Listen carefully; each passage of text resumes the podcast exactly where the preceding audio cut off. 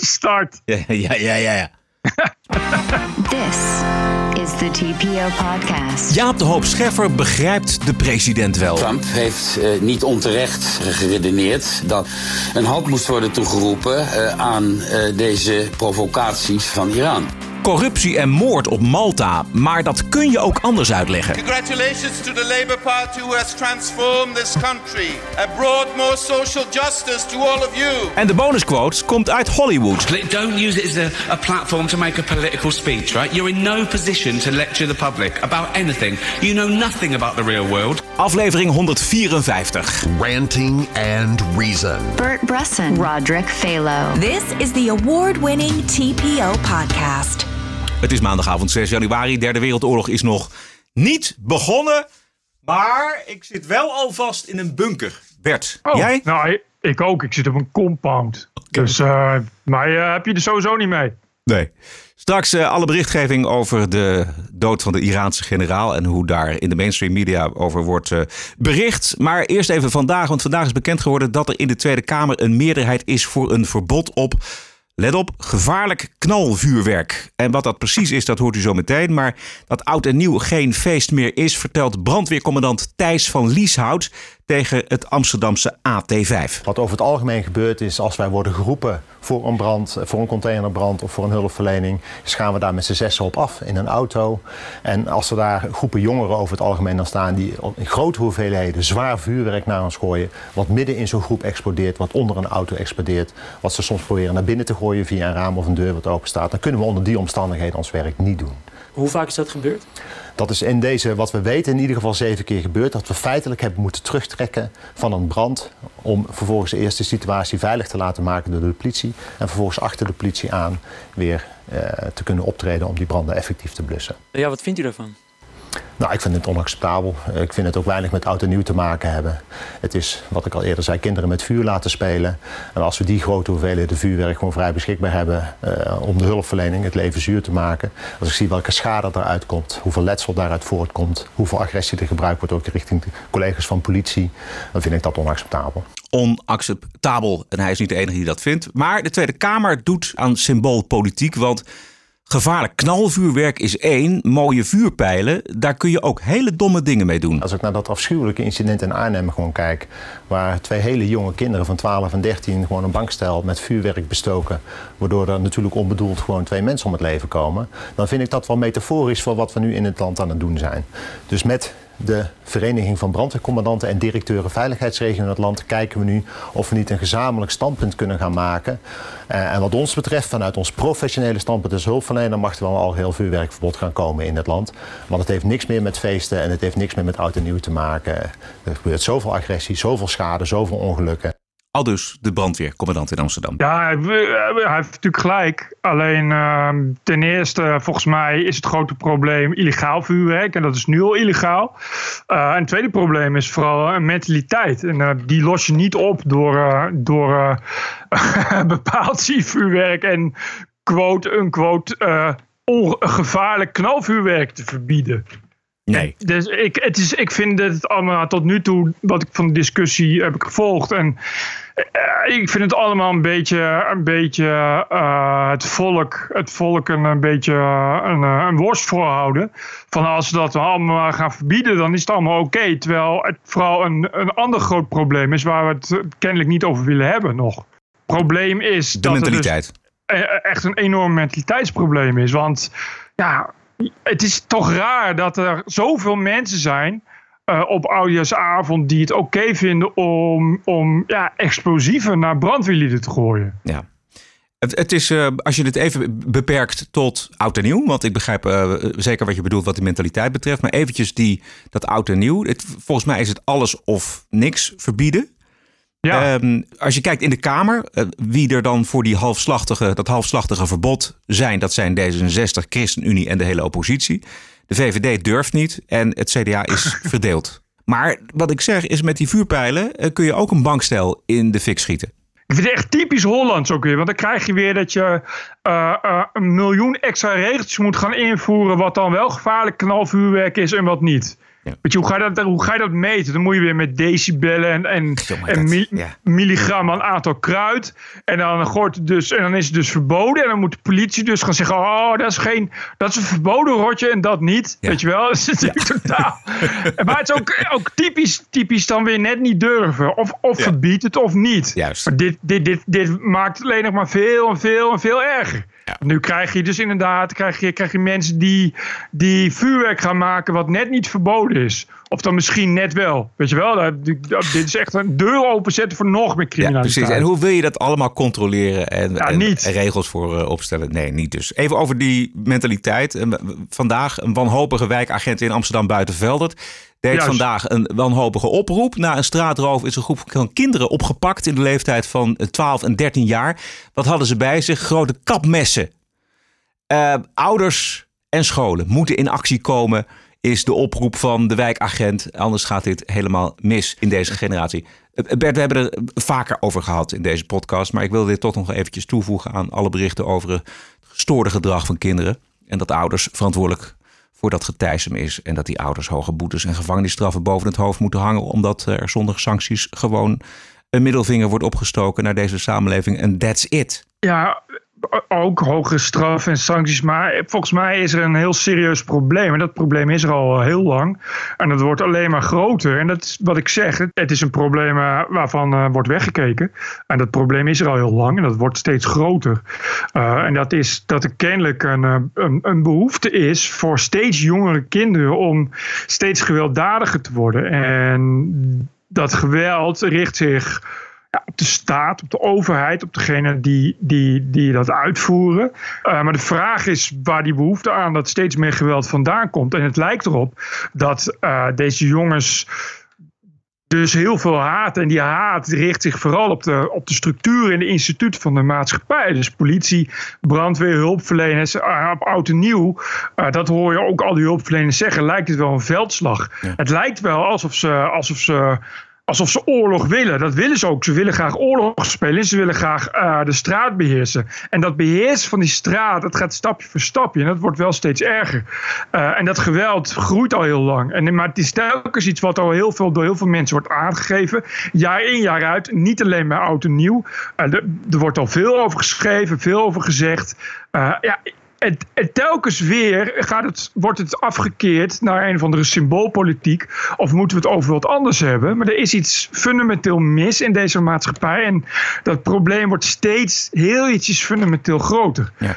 Maar eh, los van die woede waar die ook vandaan komt en op wie die gericht is, waarom zou die richting de overheid gaan? Waarom zou die richting brandweer gaan die daar een brandje kwam blussen?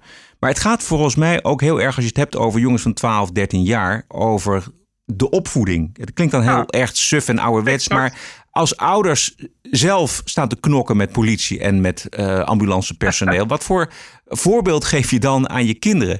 En we, we, praten al heel lang over hardere sancties tegen en straffen tegen mensen die uh, hulpverleners aanvallen.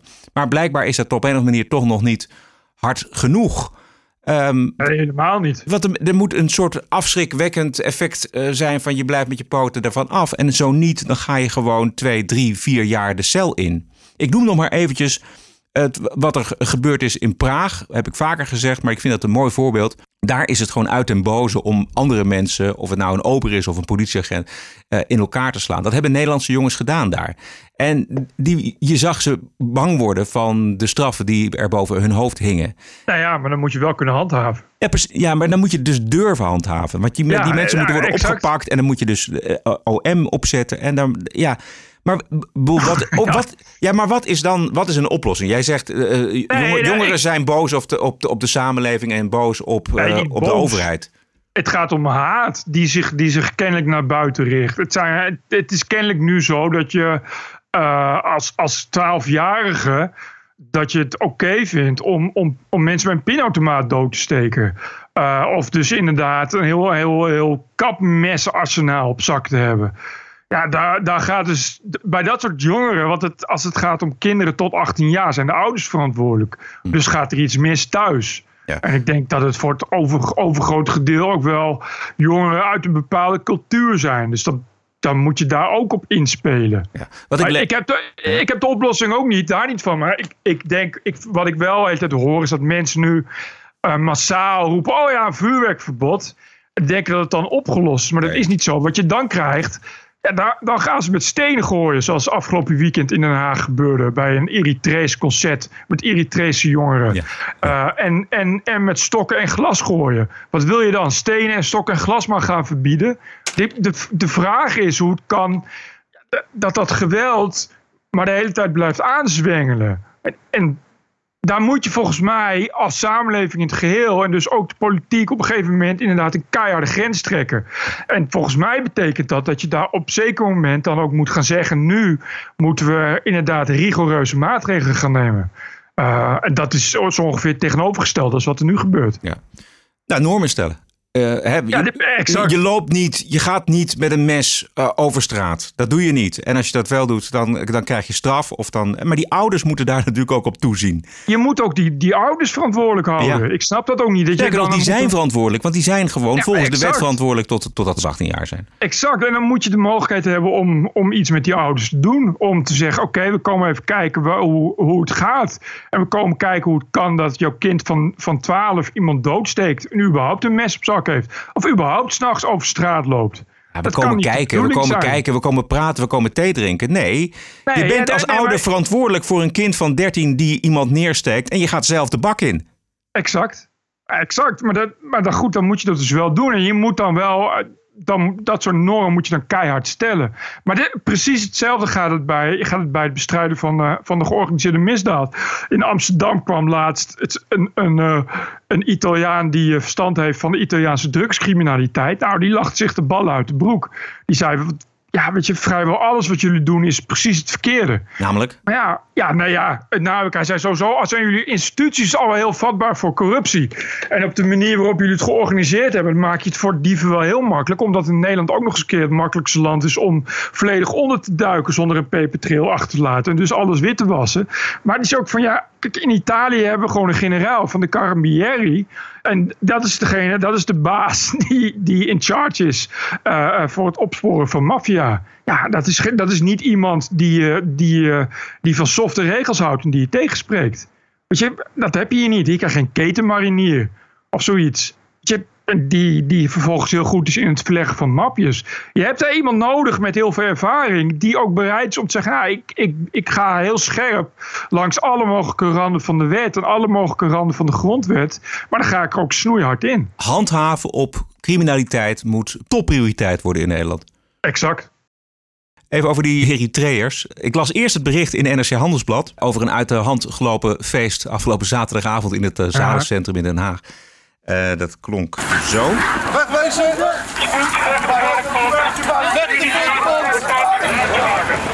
Mensen waren binnen zonder toegangsbewijs. Zogenaamde feestgangers werden agressief tegen de politie. Er werden vernielingen aangericht. De politie werd bekogeld met stenen. Maar helemaal niks in NRC Handelsblad over het concert. Wie er optrad, wie er binnen waren, wie deze feestgangers precies waren. Ja, als, als, als NRC Handelsblad zo onvolledig is, dan weet je er is meer aan de hand. En wat er dan precies aan de hand was, dat vind je dan bijvoorbeeld in een soort plaatselijk dagblad 070 heb ik het gevonden.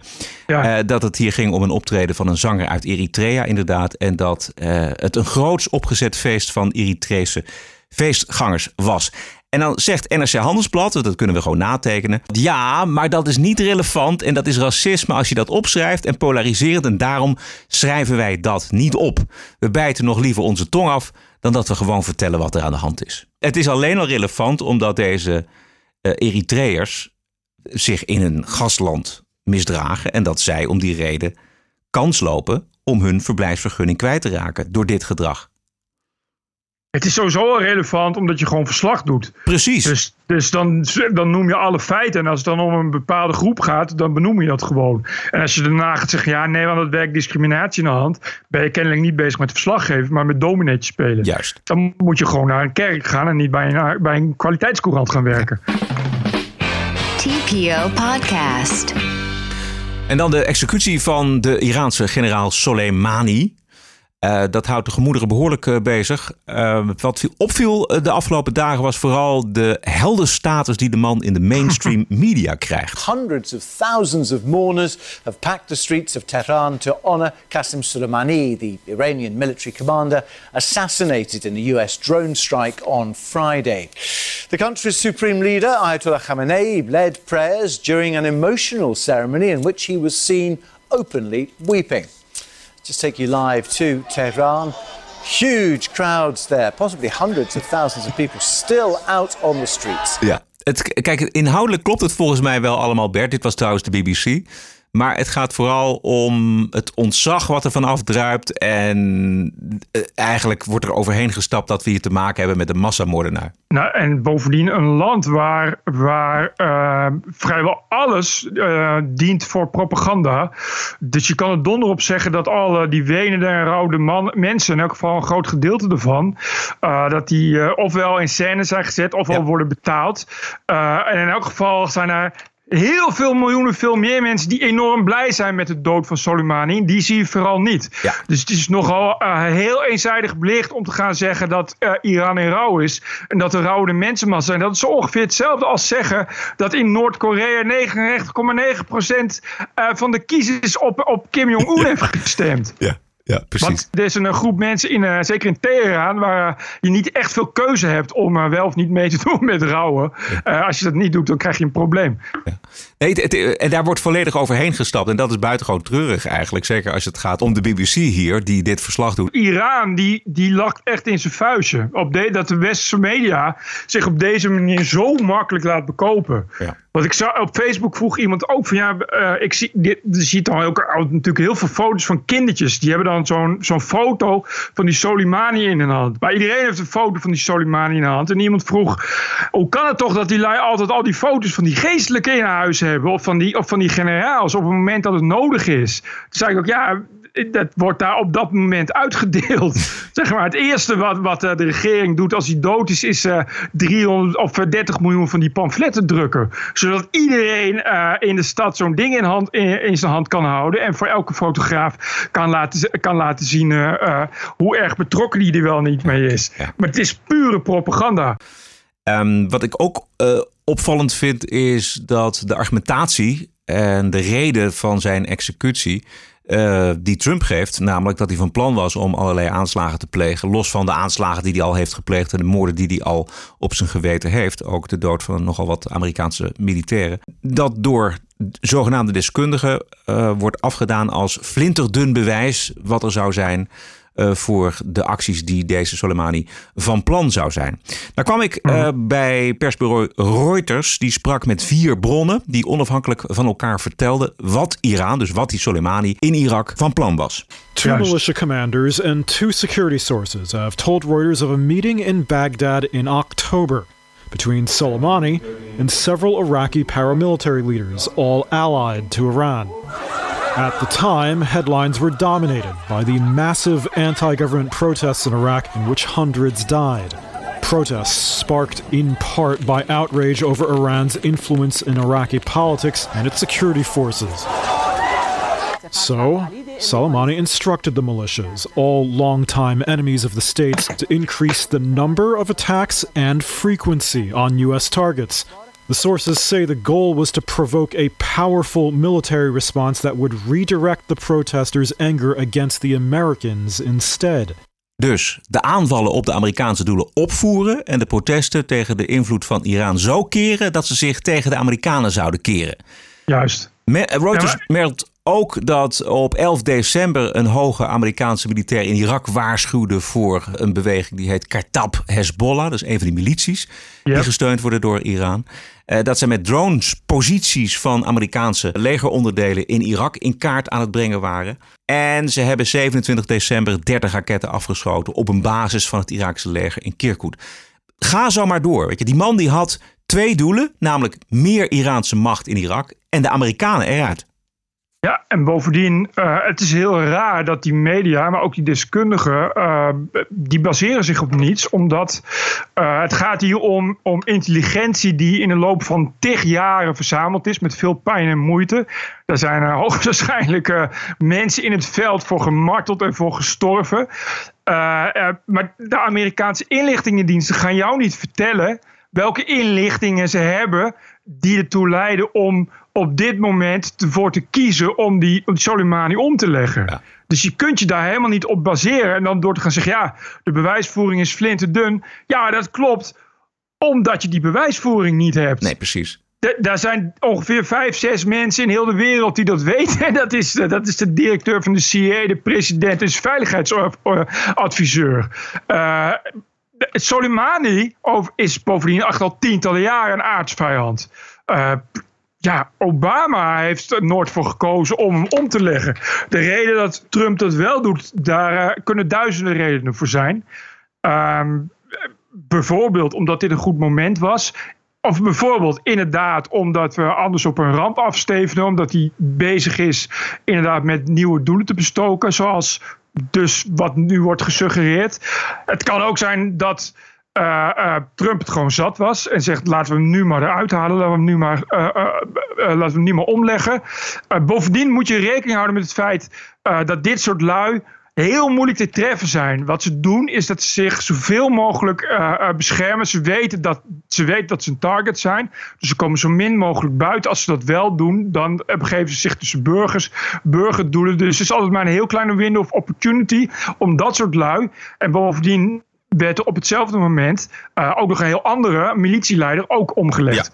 En dat betekent dat er gewoon een moment is waarop de CIA zegt: als je het wilt doen, dan kun je dat nu doen. Wat ik heel erg gemist heb uh, in de media is wie Soleimani is. dit wordt namelijk de hele tijd gebracht als een generaal. En dat is natuurlijk wel, maar er is ook wel echt alles mee gezegd. Dit is echt een terroristenleider. Hij was hoofd van de, van de, van de koetsbrigades. Die houden zich uitsluitend bezig met terreur. Zowel in het binnenland als het onderdrukken van studentenprotesten bijvoorbeeld. En in het buitenland. Er is alle schijn naar dat ook in Nederland al een aantal Iraanse dissidenten zijn omgelegd. Er zijn inderdaad een aantal Iraniërs omgelegd. Die worden dan doodgeschoten door bekende criminelen. Bijvoorbeeld uit de hoek van die Radouan Taghi. Die overigens ook hoogstwaarschijnlijk door de Iraanse staat werd onderhouden. Uh, dan lijkt het op een moord in het drugscene. En dan blijkt achteraf, er is bijvoorbeeld één doodgeschoten niet zo heel lang geleden in Nederland. En dan dachten ze, wat is het, waarom, hij heeft helemaal niks met drugs te maken. Ja. Is een aardige, een aardige uh, antennemonteur. En dat bleek iemand die twintig jaar geleden nogal wat aanslagen in Iran op het regime op zijn geweten had ook daar zit weer Soleimani achter. Want dat is de leider. En je is daar in Iran geen enkele schijn van dat dat democratisch gebeurt. Het gaat om die Republikeinse garde. En die Republikeinse garde staat verder buiten en los van de grondwet. Soleimani is daar de hoogste man in commando. Het gaat allemaal op zijn bevel. En dit is een man die ongelooflijk veel bloed aan zijn handen heeft. En al sinds de oorlog met Irak in de jaren tachtig. Dit is iemand die eigenhandig, zonder een spier te vertrekken, uh, zonder een traan te laten, kinderen van 12 jaar oud de mijnenvelden heeft ingestuurd. Ik las vanmorgen in de Volkskrant, uh, hartelijk dank Volkskrant, voor het genuanceerde stuk van columnist Thomas Friedman van de New York Times. Uh, toch, toch geen Trump-fan te noemen. En, en die schrijft. Het zou best kunnen dat president Trump nog ooit een straat naar zich vernoemd krijgt in Teheran. Waarom? Omdat Trump opdracht heeft gegeven tot de liquidatie van misschien wel de grootste stommeling van Iran. De meest overschatte strateeg van het Midden-Oosten, Soleimani. En dan volgt er een hele trits aan mislukkingen en inschattingsfouten van deze Soleimani. Waarvan wel de grootste is het, het agressief imperialistische project van Beirut tot Bagdad, van Damascus tot Jemen. Yep. Uh, die hebben geleid tot nieuwe Amerikaanse sancties. Waardoor de economische groei die er aanvankelijk was van 12% na het akkoord over het nucleaire programma, totaal ongedaan werd gemaakt. En inmiddels kampt Iran met een economische krimp en een enorme werkloosheid. Dus het werkt allemaal contraproductief ook nog. En dat is dus het hele groot, sowieso het grote probleem van, van Iran. Dat het een uh, door een Ayatollah geleid regime is. Ja. Uh, ze, hebben, ze hebben wel een president. De huidige president is naar Iraanse begrippen nogal gematigd en zowaar pragmatisch. Het is een unicum in, uh, in uh, Iran. Het probleem is dat die Ayatollah en die Republikeinse garde uh, uh, het tegenovergestelde zijn van gematigd. En helemaal het tegenovergestelde van pragmatisch. Um, wij zijn geen deskundigen, wij lezen ook maar een hoop en uh, wij Juist. hebben onze gedachten daarover. Uh, je hoort de afgelopen dagen ongelooflijk veel zogenaamde deskundigen. Uh, ik hoorde vanmiddag op Radio 1 wel een goede, vind ik altijd. Een reaal politicus, de voormalige chef van de NAVO. Jaap de Hoop Scheffer ah, op Radio 1. Ik denk dat we niet moeten vergeten uh, dat deze generaal uh, een regime vertegenwoordigt. Uh, wat een moorddadig regime is. dat deze generaal verantwoordelijk is voor vele, vele Amerikaanse mensenlevens. Dat Iran een land is wat in de regio uitermate agressief optreedt. En zijn invloed tracht te vestigen in Jemen, in Syrië, in, in Irak en Gaza zomaar door, Libanon. Uh, met andere woorden, dat uh, we Iran nu niet in de slachtofferrol duwen in het hele debat. Daar zou ik voor willen waarschuwen. Juist. Dan komt mijn maar. Juist. Ik denk dat de Amerikaanse president met de aanval op deze, op deze generaal een, een fout heeft gemaakt. in de zin dat wanneer je spanningen hebt met een ander land, je altijd wel een zekere escalatieladder moet respecteren. Wat bedoel ik daarmee? je hebt verschillende diplomatieke en ook verschillende niet-diplomatieke diplomatieke maatregelen die je kunt nemen. op het moment dat je vindt dat er opgetreden moet worden. Uh, en Trump heeft uh, niet onterecht, uh, laten we zeggen, geredeneerd. dat na de aanval door Iran op de Amerikaanse drone. na aanvallen op tankers. na een aanval op olieinstallaties in Saoedi-Arabië. een halt moest worden toegeroepen aan deze provocaties van, van Iran. Mijn punt is alleen, als je daar dan twee of drie sporten op de escalatie ladder overslaat en iemand eh, persoonlijk eh, de andere wereld naar de andere wereld helpt, eh, die toch in feite beschouwd moet worden als de nummer twee van het regime. Hè, stel je eens even voor dat een derde land de Amerikaanse minister van Buitenlandse Zaken met zo'n aanval zou doden. Dan maak je wat mij betreft een fout. Omdat je dan veel te snel en veel te hoog op die escalatieladder gaat staan. Ja. Met als gevolg dat we nu in de situatie zitten waarin we zitten. De escalatieladder van Jaap de Hoop Scheffer. er zit wel nou, iets in, geloof ik. Hij heeft er ook wel verstand van. Ja. En hij heeft natuurlijk eh, zelf ook wel, uh, uh, nou ja, niet op deze manier, maar in elk geval met het beltje gehakt in het internationale, in het internationale veld. Dus hij weet natuurlijk wel een beetje hoe dat gaat. Ja, ja ik, ik, ik, ik, het is natuurlijk een keuze dus, nogmaals, die je maakt als, als president. En ik, maar uiteraard, of het slim is. We weten het niet wat er nog allemaal achter zit. Misschien is het een zegen dat hij uh, naar de andere kant geholpen is. Misschien eh, is er kans op escalatie. Nog één keer Jaap de Hoop Scheffer. Iran zegt nu dat akkoord op. Gaat verder uranium uh, verrijken tot een zodanig niveau dat je er wapens van zou kunnen maken. En dat is een extra buitengewoon gevaarlijke factor in die regio. om geconfronteerd te worden met een Iran dat inderdaad, en dat probeerde dat akkoord te voorkomen, een kernwapen ontwikkelt. Ja. Want indien dat gebeurt en indien Iran over kernwapens zou beschikken, dan willen ook andere grote landen in de regio dat. Uh, het Koninkrijk Saudi-Arabië. Uh, denk ook aan Turkije. Erdogan heeft daar wel eens wat over gezegd. Dus dat is een potentieel buitengewoon destabiliserende ontwikkeling. Precies, ja. ja. Weet je wat het bij dit soort dingen is? Is dat je misschien pas over vijf of tien jaar weet wat de bedoeling was. Ja. Weet je, dat heeft, het is veel breder dan alleen die Soleimani. De reden waarom je dit kan doen, is, dat heb ik, zeg ik, zei ik al net, is, is duizendvoudig. Dat kan voor alles zijn. Die Soleimani wordt nu, uh, uh, ja, zijn plek wordt gewoon ingevuld door de nummer twee die onder hem was. En je weet niet wie dat is. Voor hetzelfde geld is het iemand waarvan Amerika weet dat hij gematigder is bijvoorbeeld. Of dingen beter kan doen.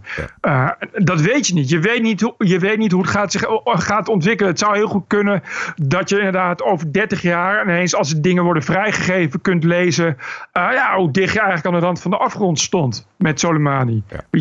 Er is echt van alles mogelijk. En dat vind ik ook het rare dat... Uh, ja, die deskundigen, of, of in elk geval de media zich daar niet iets meer, uh, dat niet iets meer in context plaatsen. Ja. TPO Podcast. Bert, ben je wel eens op Malta geweest? Nou, nee. Nee? Heel mooi vakantieeiland. Ik was er uh, twee weken in 1993. Maar vandaag de dag staat Malta gelijk aan corruptie. Uh, de journalist die dat allemaal naar boven haalde, werd twee jaar geleden vermoord. Uh, verdenkingen gingen direct richting de socialistische regering. Journalisten schreef namelijk over de corruptie op het eiland gelieerd aan de kabinetchef, de vrouw van de premier en uh, de groeiende macht van de premier. Tot dus een autobom twee jaar geleden een einde aan haar leven maakte. Inmiddels zit de premier vol in de paspoortenhandel en eisen de Maltese zijn vertrek. Nou, ondanks alle aanwijzingen over de moord en de corruptie had spitsenkandidaat Frans Timmermans deze boef hard nodig en omhelste Timmermans hem openlijk op jacht naar het voorzitterschap van de Europese Commissie. Vice President of the European Commission and lead candidate of party of the Party of European Socialists PES for President of the European Commission in the 2019 European election, Mr. Franz Timmermans. Hello guys. Hello Malta. Hello Malta. Het is een volksman hoor, luister. Anybody alive out there? En vervolgens prijst Timmermans de corrupte regering van Malta de hemel in. Congratulations to the Labour Party who has transformed this country and brought more social justice to all of you. Ja. Who has transformed this country. And I see the rainbow flags here. Who has transformed this country, the country of equality. Ja, sociale rechtvaardigheid, minus de enorme zelfverrijking van zijn politieke vriendenclub die in Malta aan de macht is. You can be very proud of those achievements.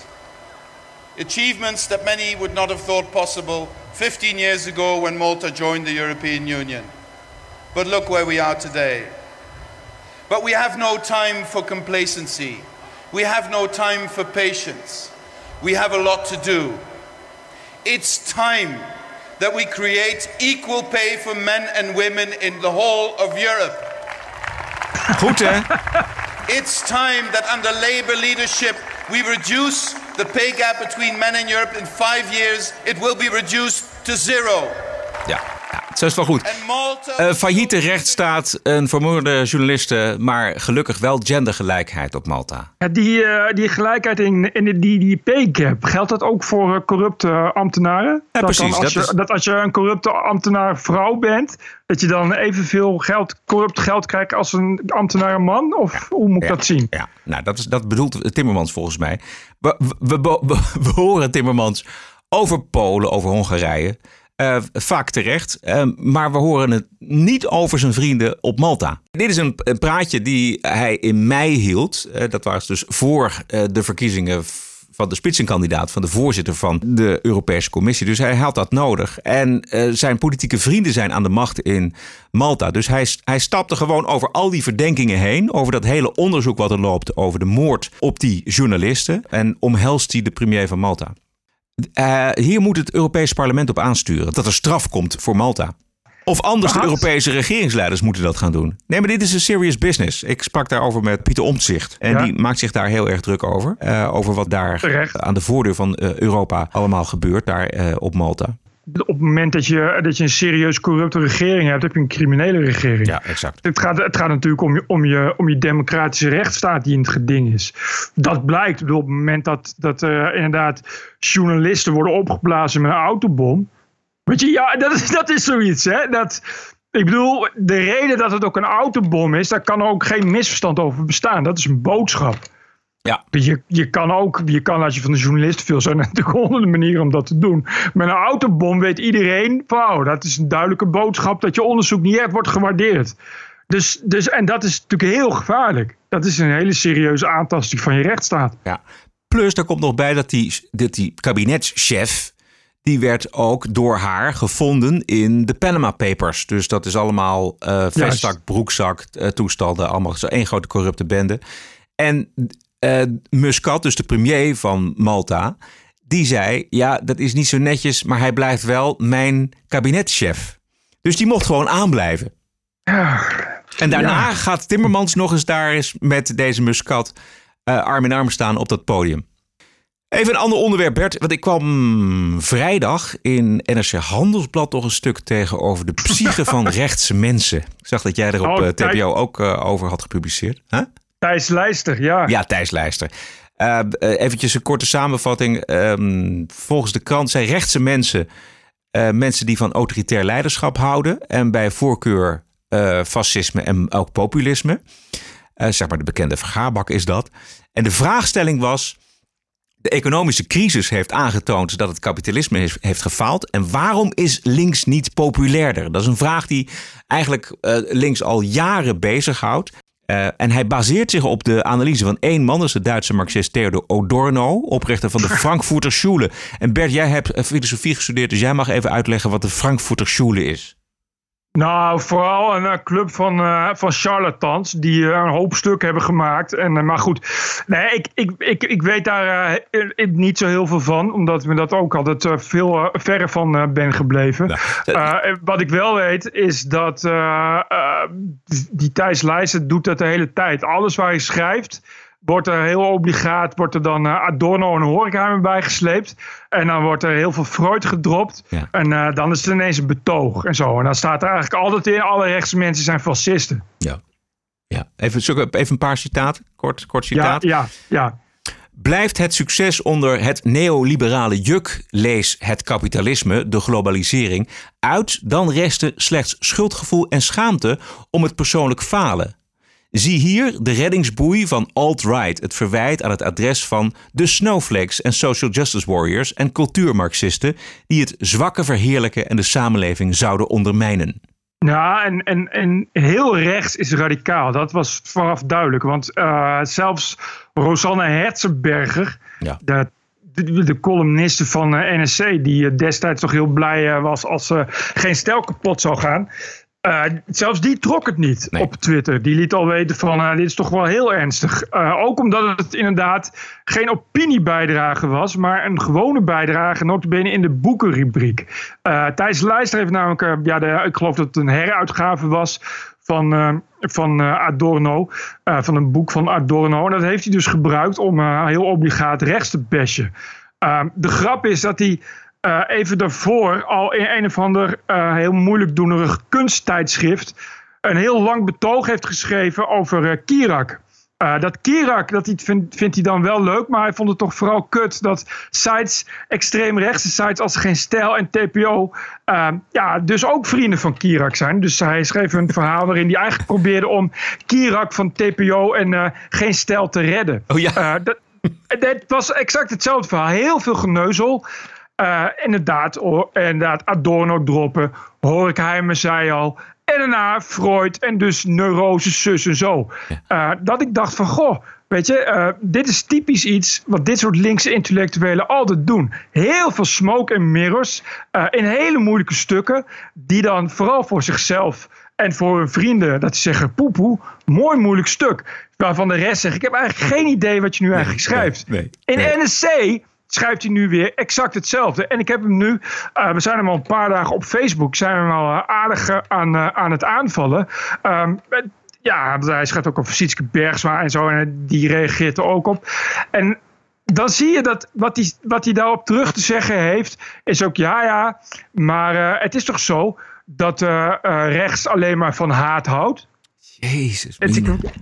Dat denk ik, en, en, dan zeg je, hoezo dan? En dan zegt ik, nou, Google en, en jullie verspreiden toch ook alleen maar... Eh, de rechts verspreidt toch ook alleen maar desinformatie, nepnieuws. En zijn er niet aan de feiten. En dat, dat, zo iemand schrijft dan, Google maar eens op Trump en Baudet. Dan kom je er wel achter. En dat is een journalist? nee, hij is geen journalist. Hè? Hij is cultuurfilosoof. Oh, oké. En dat is, ik zei ook, ik zei ook van, jezus man, dit is echt een soort, soort alsof je heel 1968 weer opnieuw, de, opnieuw eruit reutelt. Maar die jongen dus, die Thijs Leijster, die is dus nog geen 40. Nog even voor iedereen die dat niet weet. Die Frankfurter Schule, dat is een van de meest radicale eh, intellectuele uh, marxistische clubjes die er geweest is. En uh, dat gaat alleen maar om de maatschappij zoveel mogelijk in chaos storten. En uit die chaos moet dan voortkomen een nieuwe maatschappij die alleen maar uh, gelijkheid kent. Het is allemaal communistisch gelul en het is allemaal op helemaal niets gebaseerd. Dat is het allerergste. Maar ga, precies. En dan wil je dus eigenlijk inderdaad, eh, wil je, dan zit je eigenlijk te broeden, zo lijkt het tenminste, dat hij zit te broeden op een stuk tegen rechts. En dan vindt hij uiteindelijk een heruitgave van deze Adorno. En daar klampt hij zich dan aan vast. Het is, eh, Ja, het is allemaal gebaseerd heel op zielig. één idee, op één gedachte van, van deze Adorno. Het is allemaal heel zielig. Wat, wat, je, wat je hoort is, is echt dat, ze, is, is dat zo iemand is echt ultra moralistisch en zijn wereldbeeld is gewoon links goed, rechts slecht. Weet je, en, en dat is, het is zo kinderachtig. Het, het is allemaal zo 1970 als je dat leest. Nou. Je denkt van, gast, we zijn toch al lang verder en zo. En ik, en ik beschuldig dit soort luiden van, ja, van een vorm van narcisme. Ze bedienen zichzelf van heel veel lucht en heel veel gelul. Eh, en ja, en, en, en, ja, je kan het, heel, je kan het eh, vinden dat het niks toe doet. Maar als je op zo iemand googelt, dan kom je dus honderd zwart-wit foto's tegen van zichzelf met een moeilijke bril en een hand onder een kin. Weet je, ik maakte, en nou, dat is de grap. Ik schrijf dat dan allemaal op van, goh, je hebt, waarschijnlijk heb je een boekenkast thuis waar je heel vaak voor poseert. En als je foto plaatst, moet het in zwart-wit, want dat is wel, dat is wel zo betrokken Frans. Weet je, en dan ga je googlen op iemand en ja hoor, weet je, het is allemaal zo, het is allemaal zo, het is allemaal zo cliché, het is allemaal zo ontzettend veel decor, maar wat er werkelijk in, in te brengen is, is gewoon helemaal niks. Nee, maar het is wel een pagina in het NRC Handelsblad. Ja, nee, bij- bij NRC kun je altijd terecht voor dat soort geneuzel en dat soort gelul. Want dat is het. Dat is het echt, weet je. Je kan daar zo'n heel stuk kun je condenseren tot, tot een kwart. En dan, dan heb je precies gezegd wat hij wilde zeggen. TPO Podcast. Ik was afgelopen vrijdag bij de meet-up van No Agenda. eh, Ah. De No Agenda podcast van Adam Curry en John C. de Vork. En daar waren zo'n 15 mensen, Bert, allemaal fans van No Agenda. Maar toch ook zeker de helft luisteraars van de TPO podcast. Ah. Ontzettend leuk om daar eens een paar biertjes mee te drinken. Met die luisteraars en donateurs van deze show. En ik wou eventjes vanaf deze plek eh, iedereen hartelijk danken voor de gezellige avond. En ook iedereen bedanken die deze week weer gedoneerd heeft voor de TPO podcast. Heb je nog berichten binnengekregen? En niet zo heel veel zie ik nu. Ik, moet, ik probeer even te zoeken, maar dan moet ik wel. Want eh, volgens mij was er maar één of, eh, of twee. Ah, hier. Wout Prins, dag Bert en Roderick. Hier een podcastluisteraar van het eerste uur. Vorig jaar heb ik al een paar tientjes overgemaakt. Maar nu zag ik de nieuwjaarsaanbieding op TPO Plus. Eh, Ik had TPO Plus op 1 januari voor de helft van de prijs. Dus gauw geabonneerd en ook 20 euro 20 overgemaakt als donatie aan de podcast. Zie het als een combinatieabonnement. Eh, jullie verkondigen een geluid dat veel te weinig gehoord wordt deze dagen. Ga zo door, heren. Groet, Wout Prins. Eh, dit bericht mag opgelezen worden in het rondje donateursbericht tijdens de podcast. Volgens mij is het de enige. Er was nog iemand anders die zei dat hij op Mastodon. Mastodon is volgens mij een soort Twitter-vervanger. Eh, voor zover ik het weet, wil die eh, ja, een social media, social media eh, forum. Dus wat bij, dat heb je bij eh, No Agenda ook. Weet je, dat online heel, veel, online heel veel van die types bouwen dan van alles. En die vroegen onze toestemming. En nou ja, ga je gang. Ik, dat is natuurlijk hartstikke leuk als mensen zeggen van ik ben zo'n fan dat ik daar zelf iets mee wil gaan doen. Ja. Dat, dat, dat kan natuurlijk altijd. Je hoeft ook geen, geen, geen toestemming voor te vragen of zo. Wilt u ook ondersteuner worden van de TPO podcast? Dat kan natuurlijk met ideeën en suggesties. En dit soort ideeën ook. Eh, leef je uit zou ik zeggen. Maar mailen kan naar info.tpo.nl. En een financiële ondersteuning stellen wij ook op hoge prijs. Waarderen en doneren kan op tpo.nl slash podcast. Ik heb alleen nog een bonusquote. Ik kan eh, bijna raden wat die gaat zijn. TPO Podcast. Ja, moet ik hem alleen nog eventjes klaarzetten. Oh. Is die? Wacht even. Want hij was zo goud dat je die niet kan, niet kan eh, gaan missen. Bonusquote komt uit Los Angeles. Daar presenteerde de Britse acteur Ricky Gervais de Golden Globes. Eindelijk iemand die het Hollywood plebs de waarheid vertelde. Hello and welcome to the 77th annual Golden Globe Awards, live from the Beverly Hilton Hotel here in Los Angeles. I'm Ricky Gervais. Thank you. If you do win an award tonight. Pl- Don't use it as a, a platform to make a political speech, right? You're in no position to lecture the public about anything. You know nothing about the real world. Most of you spent less time in school than Greta Thunberg. So, if you win, right, come up, accept your little award, thank your agent and your God, and En fuck off. Ja, precies. Dat laatste, die laatste twee woorden die zijn uit de uitzending gewist. Omdat dat eh, de, de- anders de derde wereldoorlog veroorzaakt, denk ik. Hij had, eh, eh, het, het staat overal, het is een zeven minuten durende, zeven en een half minuten durende openingsspeech, die inderdaad eh, eigenlijk heel Hollywood kapot maakte. Op, een, op een extreem grappige manier. En eh, vooral de gezichten in het publiek. Oh, die waren goed, ja. Tom erg, Hanks, Tom erg, Hanks, die, erg zat helemaal, die werd helemaal gek ervan, volgens mij. Je zag die mensen echt gewoon pijn lijden. Wat Ja. toch wel, eh, wat toch wel eigenlijk heel grappig was. Of niet allemaal. Sommigen konden het goed hebben. Martin Scorsese die, eh, kon het, vond, de, vond de beledigingen allemaal erg- aan zijn adres allemaal erg grappig. Maar Tom Hanks Ah. zag je inderdaad... eh, ja, die was toch niet zo heel blij, geloof ik. Nee.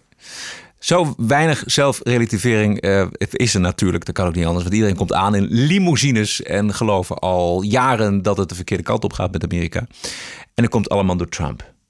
Ja, en, maar dit, eh, die- die, Gervais heeft natuurlijk gewoon voorkomen gelijk. Ja, natuurlijk. Als hij zegt dat die mensen geen enkele aansluiting hebben met de gewone wereld. Dat ze dus, ze hebben inderdaad, ze hebben echt geen enkel recht om, om verder iets te vinden. Ja, wat hij zegt, neem gewoon je prijs in het vak en flikker weer op. Want Ja. alles wat je verder zegt, je hebt geen enkel recht om dat te doen. Ik zat te denken, er moeten, er moeten toch wel wat acteurs zijn die eh, een speech hadden voorbereid. En eh, die dat misschien wel of niet hebben aangepast. Nou, ik kan me dat niet voorstellen. Nee? Ik kan me niet voorstellen dat, dat, dat eh, Robert De Niro eh, ineens gaat zeggen van... eh van nou, Love ga Trump. Toch, ik, ik ga, ja, precies. Ik ga Trump niet uitschelden of zo. Ze zijn zo arrogant. Weet je, en bovendien, ja, Ricky Gervais is natuurlijk maar een cabaretier. Dus, dus ja, dat kun je dan inderdaad weer een beetje weglachen. Terwijl ik denk van, als je het hoort, denk je van... het zou toch mooi zijn als mensen erover gaan nadenken. Maar ja, dat zal, het zal wel niet. Terwijl ik vond wel dat ze hem toch weer gevraagd hebben. Is al heel wat. Ja. Is, al, eh, eh, eh, is, toch al, is toch al veelzeggend. Dan hebben ze Zo, blijkbaar toch behoefte aan, aan iets van een, van een relativering. Anders wordt het misschien nog gênanter dan het eigenlijk al is. Exact, want ik kan me heel goed voorstellen dat er heel veel mensen zijn, ook binnen die organisatie, die, die, ja, die want die Ricky Gervais natuurlijk, ja, net als, dat zei hij al, net als Kevin Hart eh, eh, destijds, die, die ook zoiets zou gaan doen, maar weg moest vanwege een kwetsende tweet 100 jaar geleden. Ja, die, die Ricky Gervais doet niet anders dan kwetsende tweets plaatsen. Dus, dus ik kan me heel goed voorstellen dat er heel veel mensen zijn die daar echt heel erg tegen zijn Ja. dat hij daar komt. Ja. Maar dat ze toch door laten gaan, dat spreekt wel voor ze. En dat zegt ook iets, denk ik, aan dus inderdaad de behoefte die er toch nog aan is. Exact. Om, om het niet helemaal dichtgetikt te laten worden. Want er, gaat, er kijkt al niemand meer. Elk jaar is het, is het een soort, soort inzakkend kaarthuis qua kijkcijfers. Eh, om, om, want ja, het duurt dan ook nog eens urenlang. Maar, en je zit dus urenlang te kijken naar zichzelf vermakende eh, Hollywoodsterren. weet je. Eh, ja, de enige reden om dan nog kijken is dat toch nog dit soort noten erin te doen. Nou ja, Tot zover aflevering 154. Commentaar mag naar info.tpo.nl. En financiële ondersteuning wordt zeer gewaardeerd. U kunt doneren. Ga naar tpo.nl slash podcast.